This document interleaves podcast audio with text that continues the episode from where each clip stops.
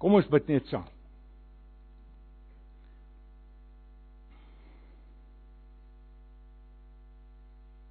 Onse Vader, dit is vir ons 'n voorreg om u woord oop te maak. Ons dankie vir die waarheid van die woord, woorde van lig en lewe tot na alle ewigheid. Onse Vader, ons wil nou na die woord kyk en in die besonder na 'n gebedsuitspraak van die Here Jesus en ons wil vra dat U ons nou sal help om die nodige aandag te gee dat U my sal begenadig om die woord duidelik en helder te verkondig. En mag die gemeente dan hierdie gemeente opgebou word in die allerheiligste geloof. Ons vra dit met vrymoedigheid en met afwagting in die naam van Jesus Christus. Amen. Ek gaan vir ons, ek wou die hele Johannes 17 gelees het, die hoëpriesterlike gebed van die Here Jesus, maar terwyl hulle van ons tydsbeperkings gaan ek net 'n enkele vers lees. Vers 3. Die uh, ou vertaling sê die Here Jesus is hier in gebed.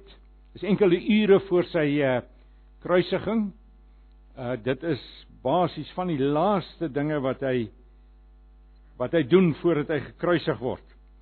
En uh uiteraard is dit baie gewigtig en uh vir ons van groot belang. Dit is dan ook een van die aangrypendste gebede waarvan ons in die hele Bybel lees.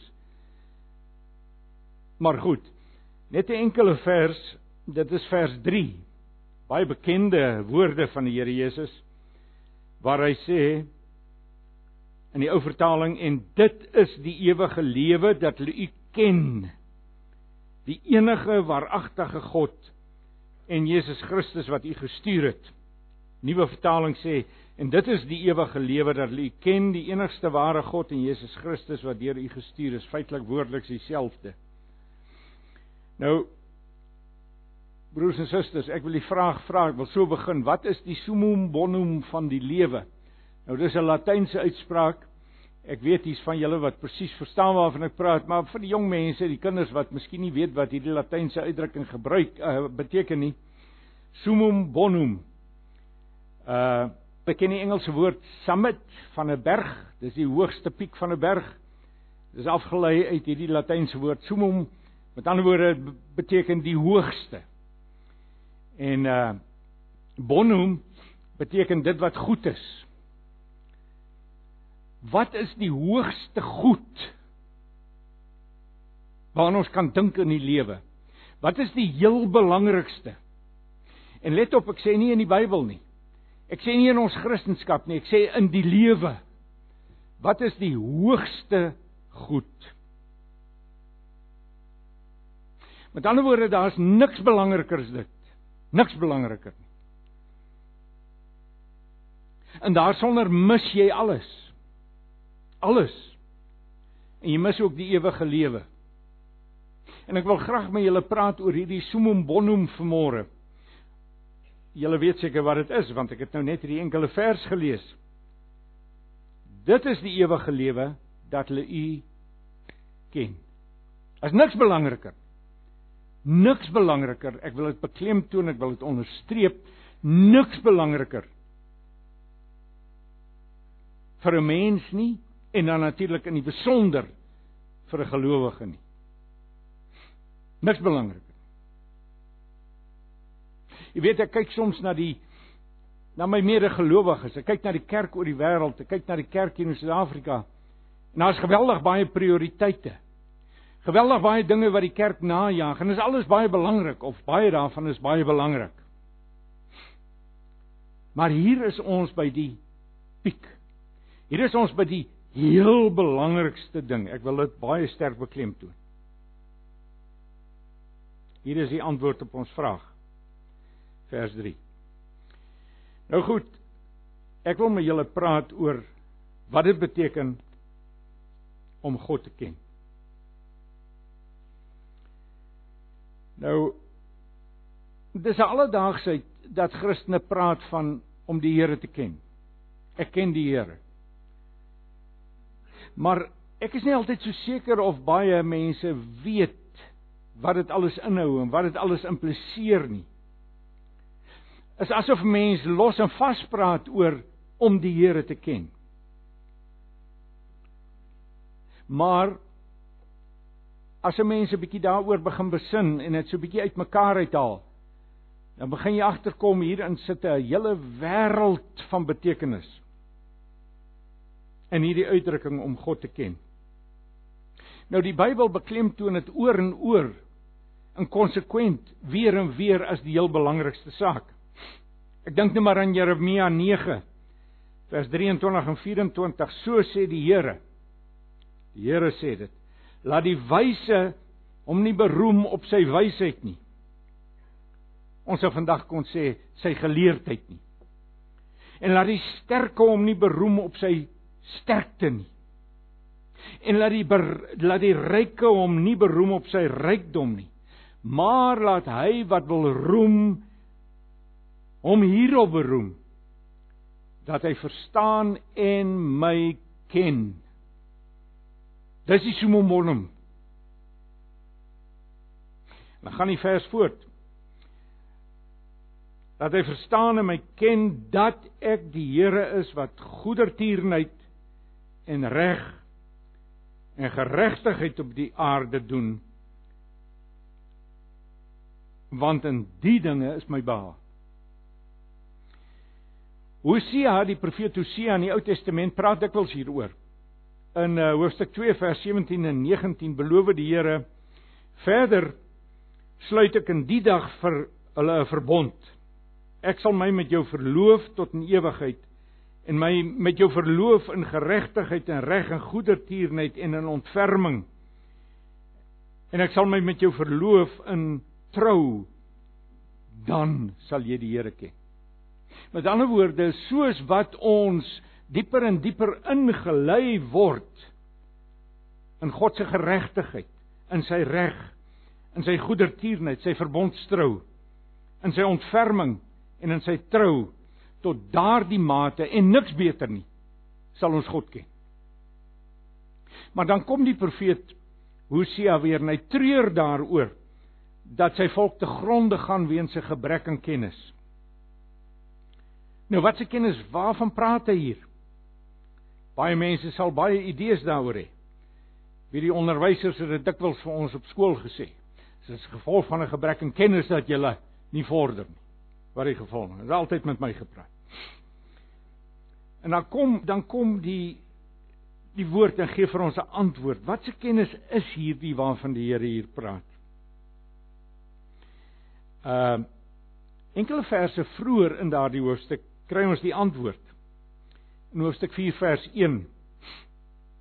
Die Here het 'n regsaak met die inwoners van die land omdat daar geen trou en geen liefde en geen kennis van God is in hierdie land nie. En uiteindelik kom Hosea dan en hy rig eh, 'n dringende oproep tot sy volksgenote in hoofstuk 6 vers 3. Laat ons ken. Laat ons dit najag om die Here te ken.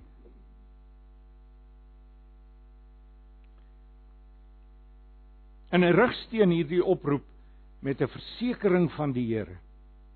Want ek het 'n behaag in liefde en nie in offerande nie.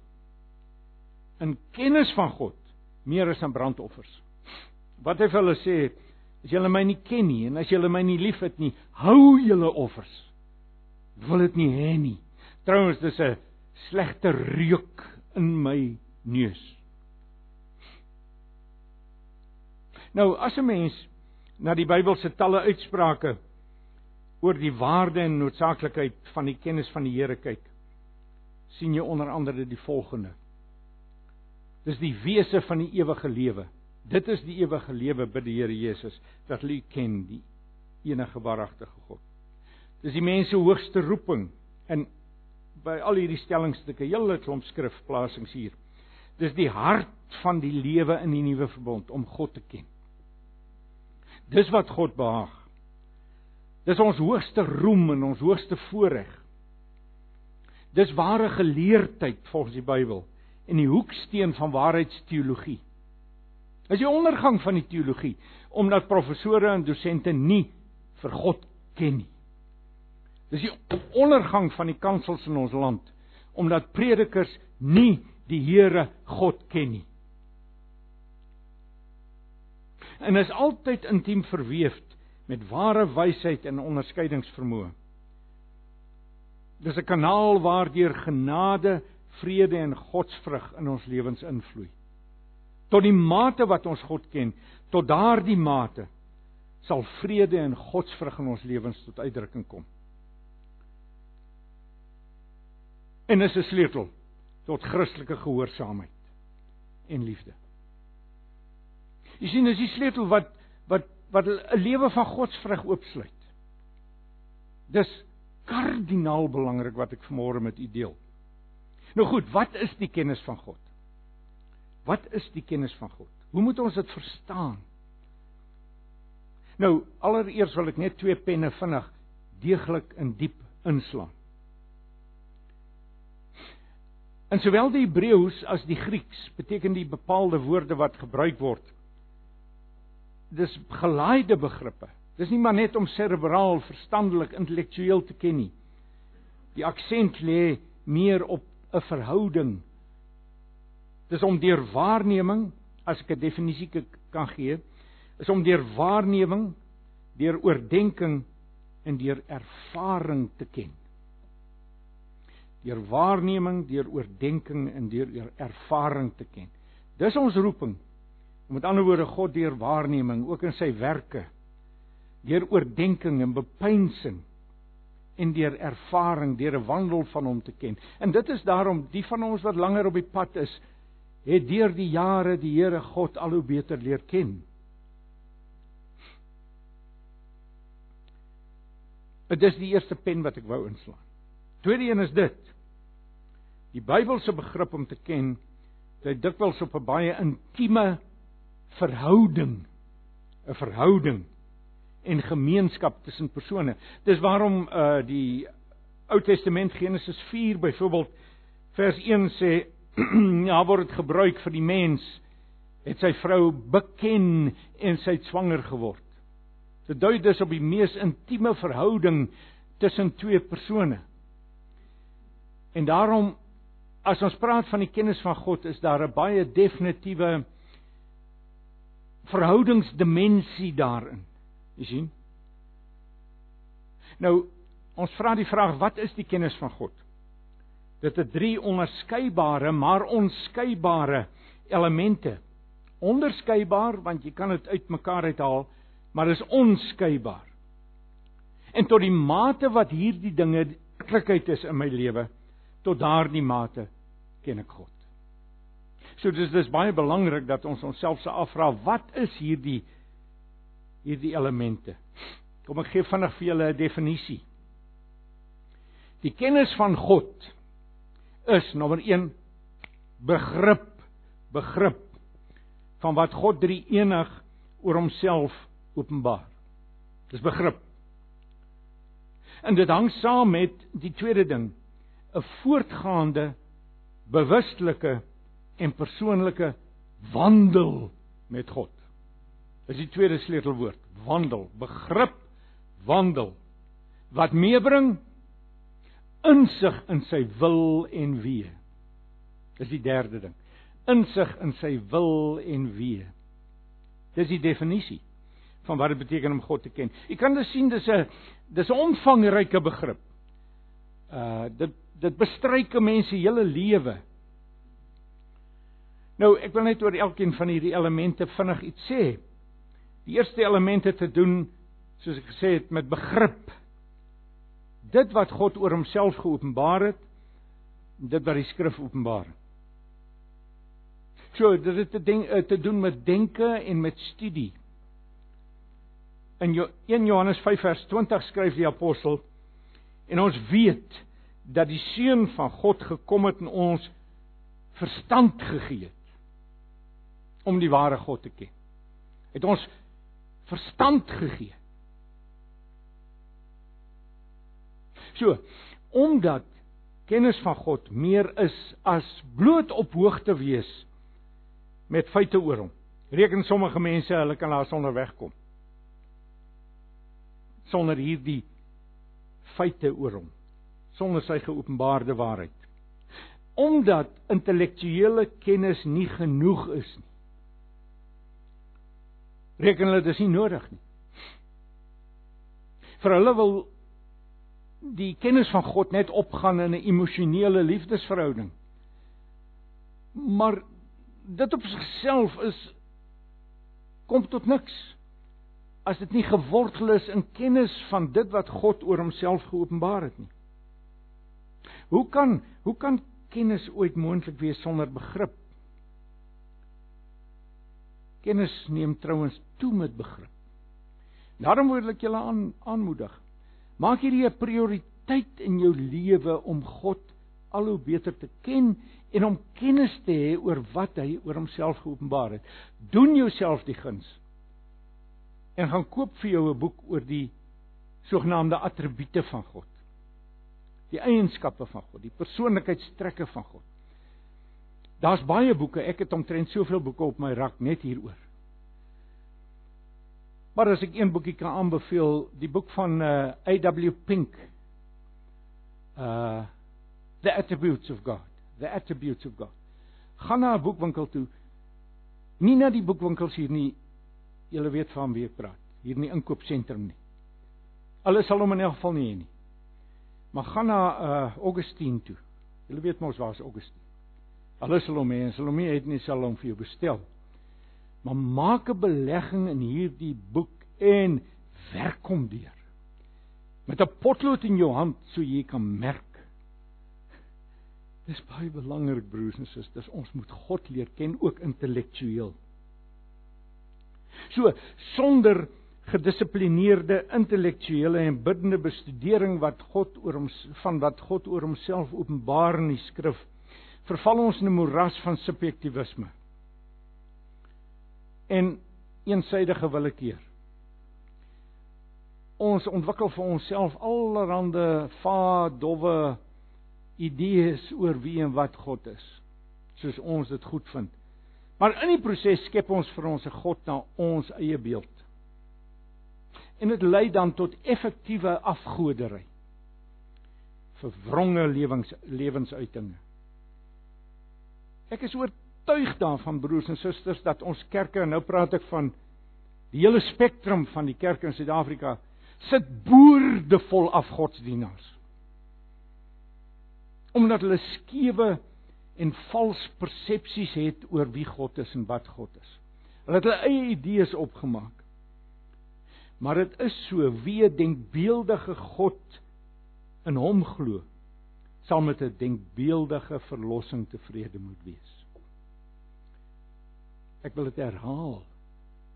As jy in 'n denkbeeldige God glo, sal jy tevrede moet wees met 'n denkbeeldige verlossing. J.I. Packer het in sy boek Knowing God skryf hy oor God se karakter. Hy sê no topic is greater, grander, more important and by the same token none is more demanding. It is the theological Mount Everest and no one ever masters it or does it full justice. Gaan kry vir jou die boek van J.I. Packer Knowing God. Dis 'n boek waarvan mense wat weet waarvan hulle praat sê hy sal oor 2-300 jaar nog nog verskyn. Dis een van die klassieke werke van die 20ste eeu. Gaan kry hom, werk met hom deur met 'n potlood in jou hand en met highlighters en merk hom met 'n oop Bybel langs jou. Jy sal nooit nooit nooit spyt wees as jy dit doen. Nou goed, dit bring ons by die tweede element. Dis gemeenskap met God. Gemeenskap met God. Onthou julle wie hier nog? Ons lees van hom in Genesis aan die vroeë hoofstukke Genesis 5 en Henog het met God gewandel. Henog het God geken. En dan in in Hebreërs 11 word daar dan ook gepraat van hom is hy een van die uitstaande figure in daardie uh lys van godsmanne en godsvrouens deur die eeue. Hy het God geken. Hy het God geken. En dan word dit net 'n hoofstuk of wat verder van Noag ook gesê in hoofstuk 7 vers 9 van Genesis. Hulle het God geken. Noag ook. Om God te ken is 'n verhoudingservaring, 'n verhoudingservaring. Ek wil net vir julle 'n definisie gee. My wandel met God kom op twee maniere tot uitdrukking. In die eerste instansie in gelowige herkenning, dankbare belewing en vererende erkenning van sy attribute in aksie in my lewe. En in geloofsvertroue in asook liefdestoewyding en dankbare gehoorsaamheid aan hom.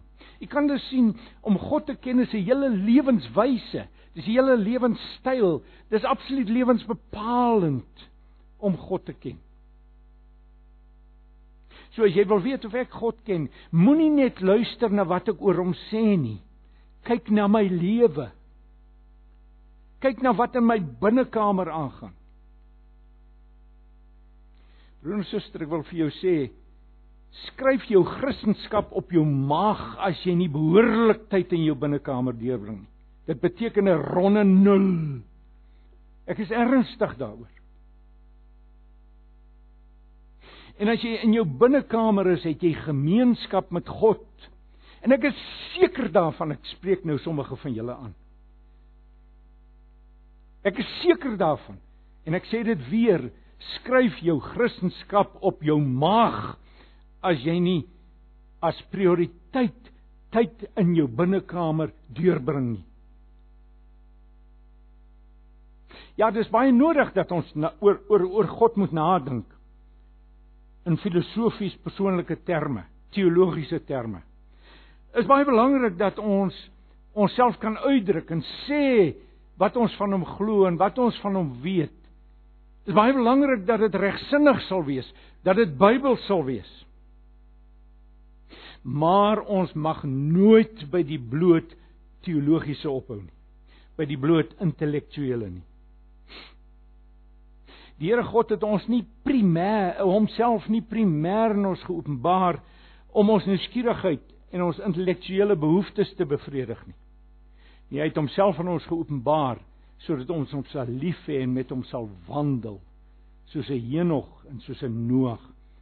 Ek wil ernstig met julle hieroor praat want ek is so seker as wat ek hier staan hier is mense hier wat nie die aandag aan hom gee en aan hierdie verhouding soos jy moet nie.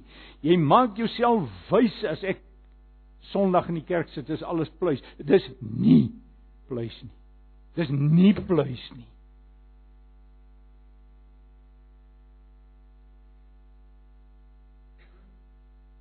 So, as ons oor die kennis van God praat, kan ons nie stil staan by bloot abstrakte teologiese intellektuele slimmighede oor hom nie. Nee, nee, nee. Ons moet deursteek na sy attribute en na sy attribute se uh teenwoordigheid in my lewe, as ek dit sou kan uitdruk. Ons moet kan beleef hoe sy attribute in aksie is in my lewe, as ek dit sou kan uitdruk. Jy sien nooit ooit beskou die Bybel 'n waarheid as geken voordat nie dit nie die persoon se lewe beheers nie. Ek wil dit weer sê. Nooit ooit beskou die Bybel 'n waarheid as geken voordat dit nie jou lewe beheers nie. En van niks geld dit meer as die kennis van God nie. Van niks geld dit nie.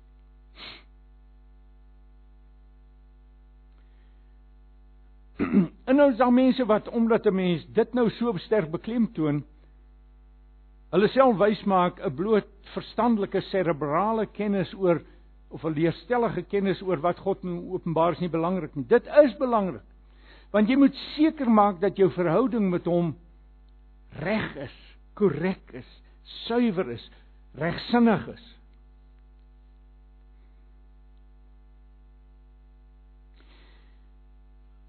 Om met God te wandel. Ek wil verder gaan. is nie 'n subjektiewe mistieke dialoog nie. So sommige voorgee om te geniet. Ek het al sulke mense geken. Hulle sê elke oggend ure in hulle binnekamer deurbring en bladsye vol skryf oor wat die Here alles vir hulle sê. Ek glo daarvan niks nie. Ek is jammer. Ek glo daarvan niks nie. Ek dink nou aan van mense wat ek ken wat wat wat so praktyk het. Nee, nee, nee, uitentmal nee. Nee nee. Ons moet ons moet deur 'n ge, gepoleerde bril kyk na wat die Here God oor homself geopenbaar het. En hoe dit tot uitdrukking kom in my ganse lewe. Dis kardinaal belangrik ons moet met ander woorde vashou in die woord. Hy het homself geopenbaar in die woord. Wel hy ten hoogste homself geopenbaar in sy in die persoon van sy seun Jesus Christus, maar hoe weet ons wat daardie openbaring is? Ons moet dit in die woord kry, broers en susters.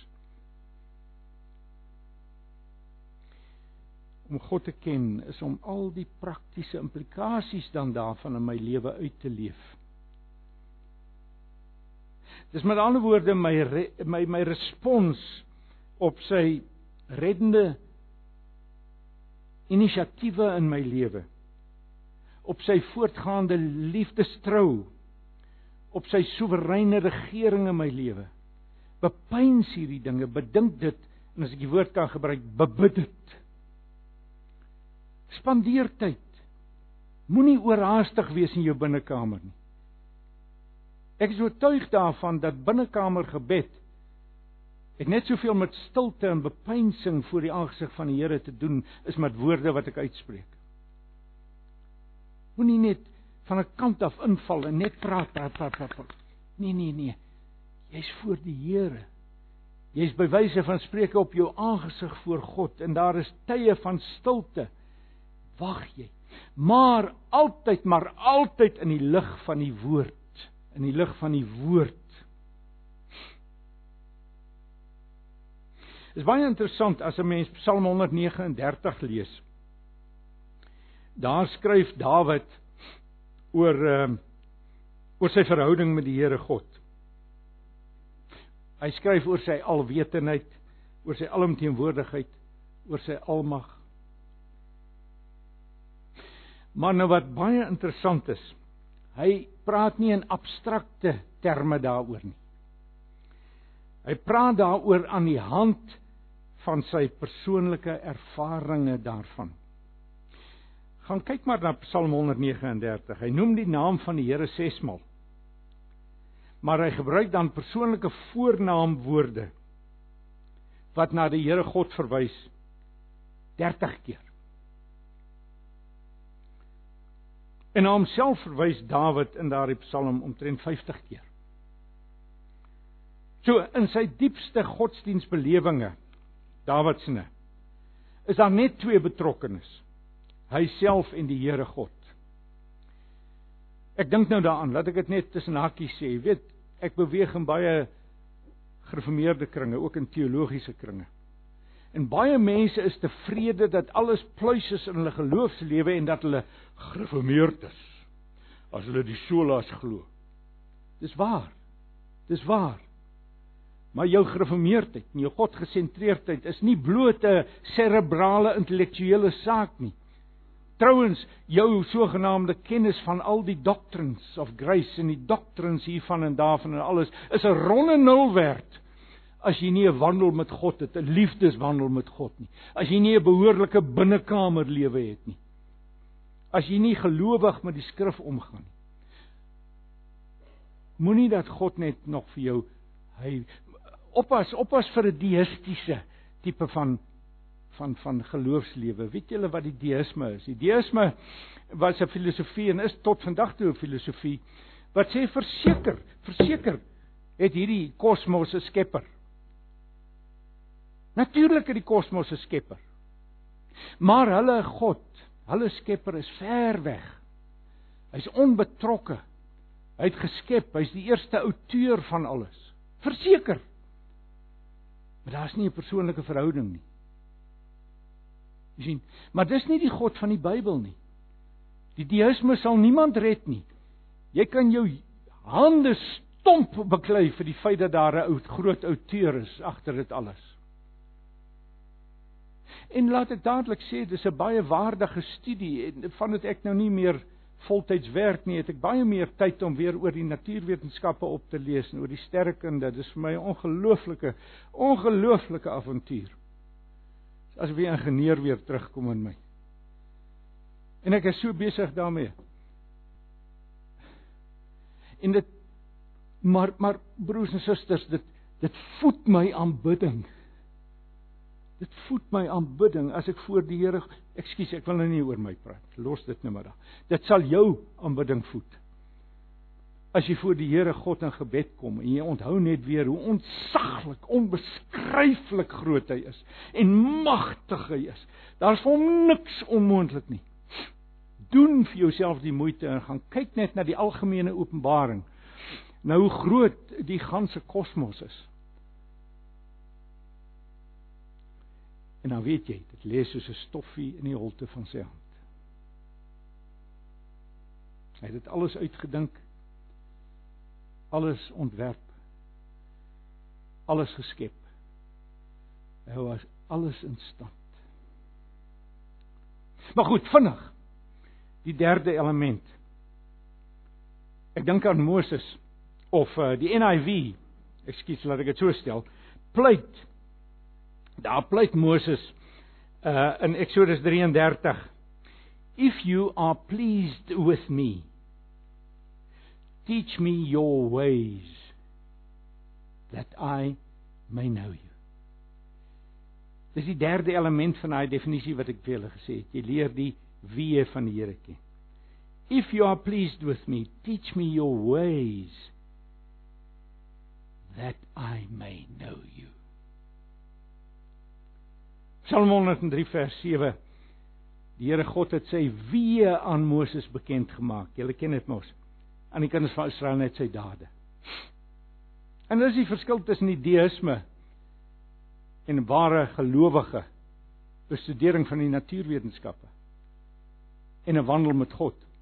Die deïsme kan vir jou lang stories en lang referate lewer oor die grootsheid van die skop van die skepping.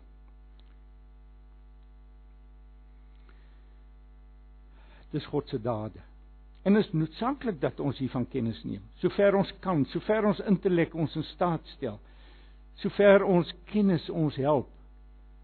Laat ons laat ons in diepte ingrawe in God se algemene openbaring en sy algemene skepping. Kan vir julle sê, die van julle wat natuurwetenskaplik is, julle is enorm bevoordeel.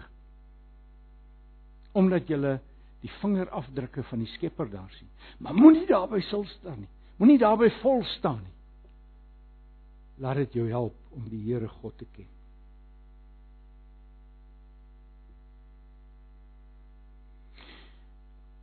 Ag broers en susters, ek wil ek wil my haas. Ek wil nou net vir ons 'n klompie riglyne gee onderweg na die kennis van die Here. Praktiese riglyne. Nommer 1. Ek en jy moet aanvaar dat daar geen hoër roeping is as om God te ken. Dis waar dit alles begin. Ek praat nou van om hom te ken omvangryk soos ek dit tot nou toe probeer verduidelik het. Micha 6 vers 8. Hy het jou bekend gemaak o mens wat goed is. En wat vra die Here van jou anders? As om reg te doen en liefde te betrag en ootmoedig te wandel met jou God. Ai ek het dit so op my hart vanmôre om dit hier te sê. Vergewe my dat ek dit weer gaan sê. Jy kan elke Sondag in die kerk sit. Maar as jy nie ootmoedig wandel met jou God nie, mis jy dit. Ekskuus dat ek so met julle praat. Is net op my hart vanmôre. Miskien moet iemand dit hoor. Filippense 3 vers 8 tot 10. Paulus praat hier van sy van sy hartstog, van sy lewensambisie om Christus Jesus my Here te ken, oortref alles in waarde. Al wat ek wens is om Christus te ken. Dis die eerste ding. Die tweede punt. Ek praat van riglyne onderweg na die kennis van die Here. Laat ek dit met beide arms omhels. God wil aan my openbare met my wandel. Hy wil dit doen. Dis trouens aan die hart van sy beloftes van die nuwe verbond. Hosea 2, Jeremia 31 en so meer. Dis die tweede punt. God wil homself aan my openbaar. Ek soek nie na iets wat hy nie vir my wil gee nie. 3. My gerigtheid moet God persoonlik wees. God persoonlik. Ek het nou heelwat gesê vanmôre al oor die algemene openbaring. Of dit nou die makrokosmos is en of die mikrokosmos is, dit maak nie saak nie. Dis belangrik, maar uiteindelik lê die hart daarin dat ek met God persoonlik sal wandel. Met die gewer, nie bloot met sy gawes nie. Wat kan 'n 'n groter belediging wees as om net in iemand belang te stel oor wat jy by hom kan kry? Nee nee. Hy roep ons om hom lief te hê, om met hom te wandel. Volgende punt.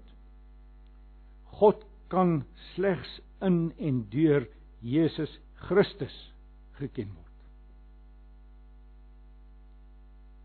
Want die mensgeworde woord, Jesus Christus, is God se hoogste volmaakte en finale openbaring aan ons. As jy wil weet hoe is God, kyk na Jesus. Natuurlik is hy meer as wat hy in sy vernederde menslike gestalte was. Maar die essensie wat God in ons wou kommunikeer oor homself, vind ons in Jesus soos hy met sandale en stowwerige Palestina rondgeloop het. En in sy lering uiteraard. Hebreërs 1 vers 3 stel dit so: Uit hom, dis uit Christus, straal die heerlikheid van God. En hy is die ewe beeld van die wese van God. Wil jy weet hoe is God? Wil jy weet hoe lyk sy liefde? Wil jy lyk weet hoe lyk sy verbondstrou? Hoe lyk sy barmhartigheid? En noem maar op. Kyk na Jesus. Kyk na Jesus. En raak meer en meer en meer verlief op hom. Is dit nie so nie? Volgende punt. Hierdie openbaring oor wie God is, geskied deur woord en gees. Natuurlik, soos ek nou al vanmôre verskeie kere beklemtoon het, kan God se ewige krag en goddelikheid in die algemene openbaring die natuur gesien word.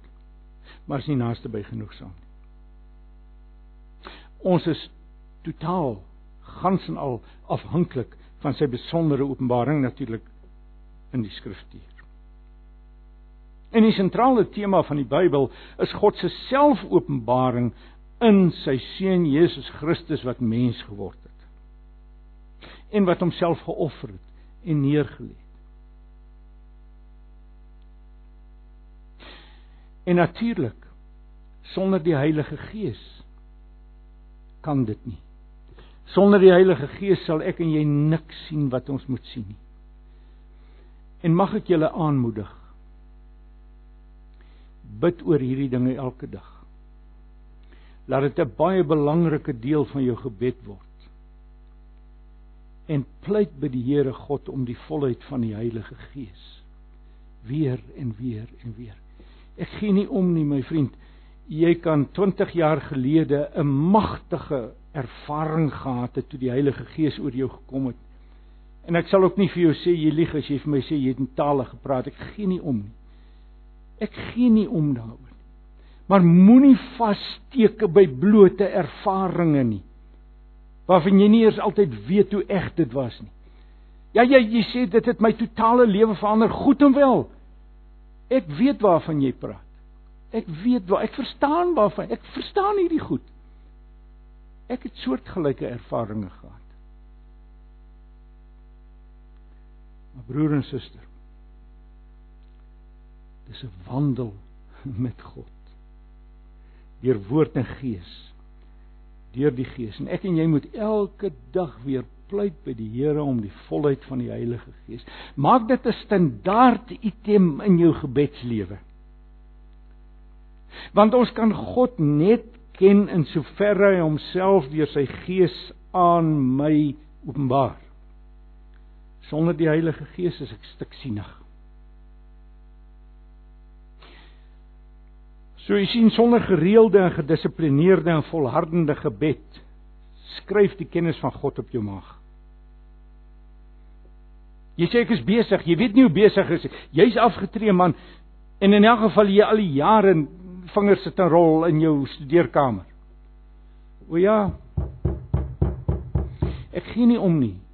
Ek het 'n Christen geword terwyl ek nog voluit gewerk het, 10, 12 ure 'n dag as 'n siviele ingenieur. Ek het tot bekering gekom op Saterdagmiddag. Volgende oggend 6uur was ek in my studeerkamer op my knieë. Ekskuus, ek hou myself nie julle voor die Here weet ek is nie 'n model nie. Maar ek wil vir jou sê as jy nie tyd het om te bid nie, gooi van die ander goed af. Gooi dit af. Jy moet in jou binnekamer tyd deurbring. Jy moet. Want jy sal nie 'n fraksie groei as jy nie behoorlik tyd in jou binnekamer deurbring. 'n Verdere punt onderweg na die kennis van God. God openbaar homself net aan nederige, kinderlike en diep afhanklike geloof. Hooghartige weterweterigheid sal niks vorder op hierdie pad nie. Kieskeurigheid is tot mislukking gedoem. Nederige kinderlike diep afhanklike geloof. Volgende punt. Die kennis van God is nie vir terloopse en dig, uh, dubbelhartige soekers nie. Dit is iets wat 'n mens doelgerig, gedissiplineerd en volhardend moet najag. Jeremia 29 vers 13 En julle sal my soek en vind as julle na my vra met julle hele hart. Volgende punt. Die kennis van God is vir hulle wat die Here in toegewyde liefdesgehoorsaamheid. Dis die sleutelwoord nou hier. In toegewyde liefdesgehoorsaamheid dien. Johannes 14 vers 21 en 23. Baie belangrike verse die. Die Here Jesus is in die woord hier. Hy sê wie my opdragte het en dit uitvoer. Dit is hy wat my liefhet. En wie my liefhet, hom sal die Vader lief hê. En ek sal hom ook lief hê. En my aan hom openbaar. Hoor jy dit? As iemand my liefhet, sal hy my woorde ter harte neem en my, my Vader sal hom lief hê, gaan hy voort. Ons sal na hom toe kom en by hom woon kan daar iets heerliker en hoër wees as in hierdie lewe is dat die Here Jesus Christus en die Vader by ons woon. Niks maar niks maar niks kan hier bykom. Volgende punt. Wie God wil leer ken, moet tevrede wees om nie net die aangename uit sy hand te ontvang nie, maar ook sy dissipline en sy tugtiging. Julle ken mos Hebreërs 12. God tugtig die wat hy liefhet. Dit is nie altyd 'n saak van blydskap nie. Dit word 'n saak van intense pyn en hartseer. Dit kan wanhoop meebring in 'n mens se lewe. Dit kan soms daar's 'n ou uitdrukking in die Engelse taal wat die ou Puriteine al gebruik het, the dark night of the soul Gelowiges gaan deur sulke tye soms, the dark night of the soul, waar jy soos 'n blinde moet loop omdat jou geloof weg is. Was jou geloof al weg? Dis 'n goeie teken dikwels. Dikwels is dit 'n goeie teken. Want die Here is met jou besig. om jou spiere, jou geloofspiere te ontwikkel. En lees bes. Die bergpad na die hoogtes van God se kennis moet self geloop word. Moet self geloop word.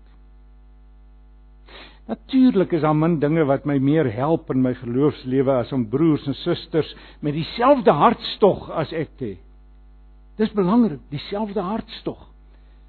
As jy nie broers en susters het met dieselfde hartstog nie, kry klaar met die mense wat om jou sit en allerlei vroom praatjies maar God nie ken nie. Voeg jou by die wat die Here God enkelhartig en hartstogtelik liefhet. Maar, maar In die finale analise moet elkeen sy eie pak dra. In groot dele van die roete teen hierdie berg op is in elk geval rotsluisies waar mens net voetjie vir voetjie een op 'n slag kan beweeg. En hoe hoër mens teen hierdie berg opklim, hoe meer raak dit die geval. Kom ons bid saam. Ag ons Vader in die hemel.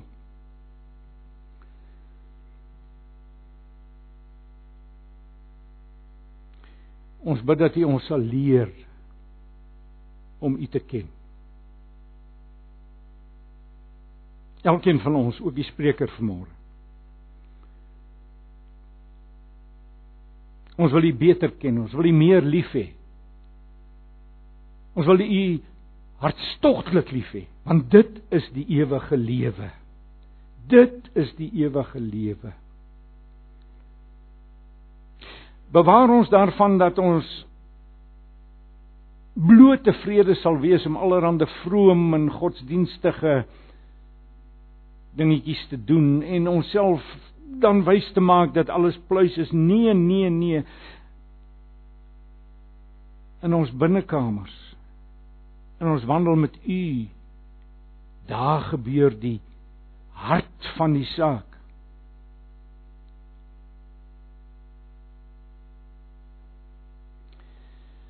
Nou ken nie elkeen van ons Hemelse Vader My gebed is dat u vir my en my broers en susters hier sal vervul met u Heilige Gees. Gee vir ons 'n helder, duidelike visie toenemend op wie u is en op die Here Jesus Christus. Help ons om te sien en te verstaan en lief te hê, hartstogtelik lief te hê. Dis die eerste en die groot gebod om die Here God lief te hê met jou hele hart en met jou hele siel en met jou hele verstand en met al jou krag. Dis die eerste gebod. En as dit nie teenwoordig is in 'n mens se lewe nie, dan het jy niks nie. Maar die tweede gebod wat daarin gelyk is, is dat ons ons naaste sal lief hê.